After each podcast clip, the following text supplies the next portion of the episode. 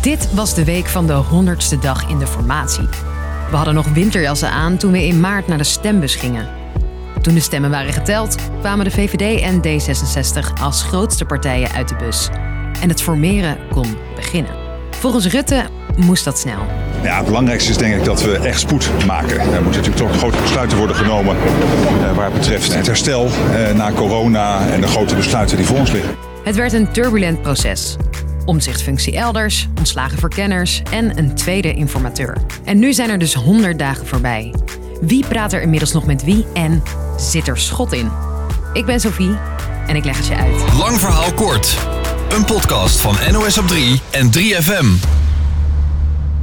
Kabinetsformaties na verkiezingen duren gemiddeld 94 dagen. De snelste formatie ooit was in 1948. Toen duurde het 31 dagen. Bij de vorige verkiezingen duurde het het langst. Het duurde 225 dagen, maar dan heb je ook wat. Een heel nieuw kabinet. Oké, nu zitten we dus over de 100 dagen en counting.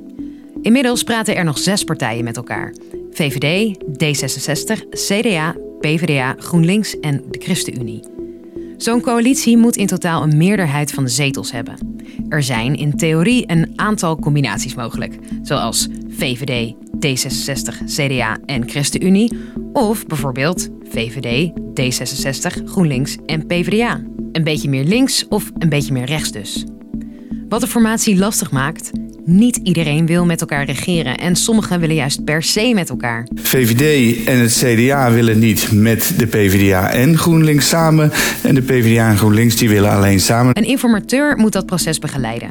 Op dit moment is dat Mariette Hamer. En die vorming gaat stroef. Tot nu toe wil geen enkele partij water bij de wijn doen. Ook nadat partijen vorige week op zaterdag en zondag verplicht moesten overleggen. Dit zei politiek verslaggever Xander van der Wulp erover na dat weekend. Ja, er is heel veel gebeld, maar het lijkt erop dat uh, de belangrijkste wensen en blokkades uh, van de partijen gewoon hetzelfde zijn gebleven. VVD en D66 die moeten het samen gaan doen. Uh, dat weten we eigenlijk sinds de verkiezingsdag al meer dan drie maanden geleden.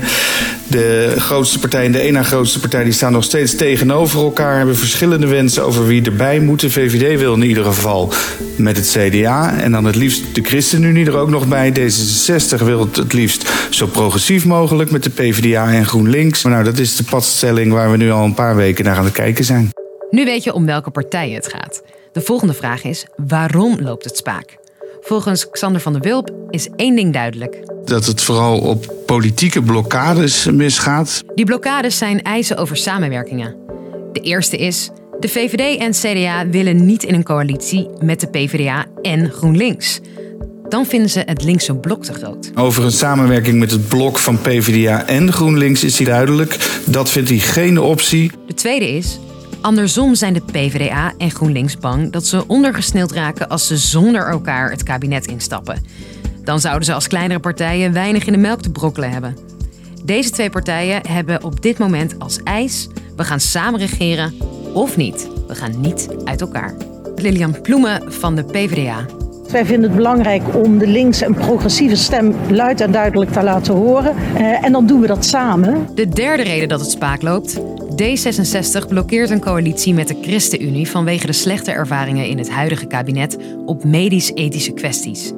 De ChristenUnie hield met succes verdere verruimingen van de euthanasie- en abortuswetgeving tegen, terwijl D66 juist vorderingen wil maken op dat gebied. Sigrid Kaag van D66. We hebben vier jaar in dit kabinet echt uh, ook grote dingen met elkaar bereikt, maar voor wat betreft medisch-ethisch heeft alles stilgestaan. En dat is een kernpunt voor D66. Ja, en de ChristenUnie staat dus heel anders in dat soort zaken. Dus de formatie zit vast. Wat nu? De kabinetsformatie zit nog steeds muurvast. En daarom zei informateur Hamer dat... Rutte en Kaag van de VVD en D66... maar een samen wat plannen op papier moeten zetten. Andere partijen zouden daar dan later bij aan kunnen haken. Deze week doet Hamer een noodgreep.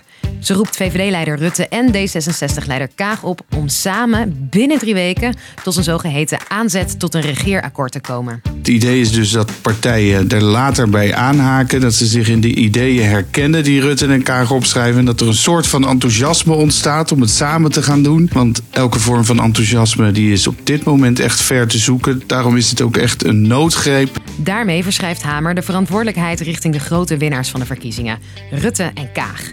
Het initiatief voor een plan komt straks niet van de informateur, maar van de partijen zelf. Maar die hebben niet dezelfde wensen. En ja, we weten dat VVD en D66 ook gewoon tegenstrijdige wensen hebben sinds de verkiezingen van 17 maart. Mijn collega's uit Den Haag verwachten dat het komende weken, tot het reces in Den Haag begint, rustig blijft. Want dan zijn D66 en VVD nog hartstikke druk met het schrijven van die aanzet. Rutte en Kaag gaan eh, de komende twee à drie weken echt in het geheim aan de slag achter gesloten deuren. We gaan heel erg weinig horen. Het goede nieuws: deze partijen zijn het in ieder geval eens over grote thema's als stikstof en wonen. De uitdaging die ze hebben is dat één of twee andere partijen het ook met die plannen eens moeten zijn om in te tekenen voor een kabinet. En die hebben, zoals ik net al zei, ook allemaal wensen. Komen ze er echt niet uit, dan komen er nieuwe verkiezingen. Maar we zitten pas op 100 dagen en er moet komende tijd nog veel besproken worden. Dus daarvan is nu nog geen sprake. Dus, lang verhaal kort. De formatie zit op slot en de informateur heeft Rutte en Kaag nu de verantwoordelijkheid gegeven om zelf een aanzet tot een regeerakkoord te schrijven. Hoe snel we daar iets van horen is onduidelijk. Wat niet onduidelijk is, is dat we elke werkdag rond vijf weer een aflevering voor je uploaden. Tot de volgende!